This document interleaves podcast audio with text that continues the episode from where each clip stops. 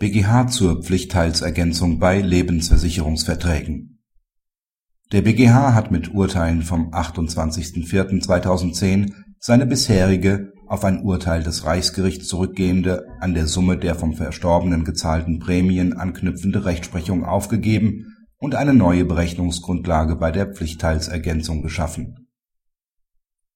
Den Entscheidungen lag der klassische Fall zugrunde dass der Erblasser seine beiden Söhne enterbt und andere zu Erben bestimmt hatte.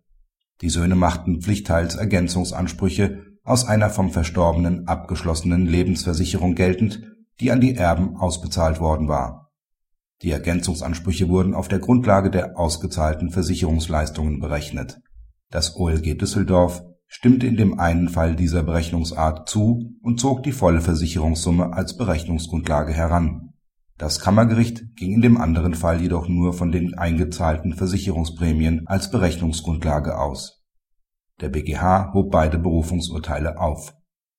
Er bestimmt, dass es nur auf den Wert ankommt, den der Verstorbene aus den Rechten seiner Lebensversicherung in der letzten juristischen Sekunde seines Lebens nach objektiven Kriterien für sein Vermögen hätte umsetzen können.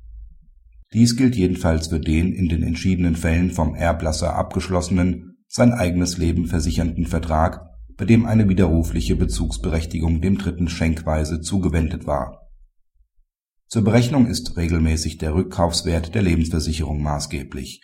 Dies kann jedoch, allerdings einzelfallbezogen, auch ein objektiv belegter Veräußerungswert sein, vor allem wenn der Erblasser die Versicherungsansprüche zu einem höheren Preis an einen gewerblichen Versicherungsankäufer hätte verkaufen können Aufgrund sowohl abstrakter als auch genereller Maßstäbe unter Heranziehung der konkreten Vertragsdaten des betreffenden Versicherungsvertrags ist der objektive Marktwert zu ermitteln. Eine schwindende persönliche Lebenserwartung des Erblassers aufgrund subjektiver individueller Faktoren zum Beispiel ein fortschreitender Kräfteverfall oder Krankheitsverlauf, darf nicht in die Wertermittlung einfließen. Auch das nachträglich erworbene Wissen, dass der Erblasser zu einem bestimmten Zeitpunkt verstarb ist für die Wertermittlung unerheblich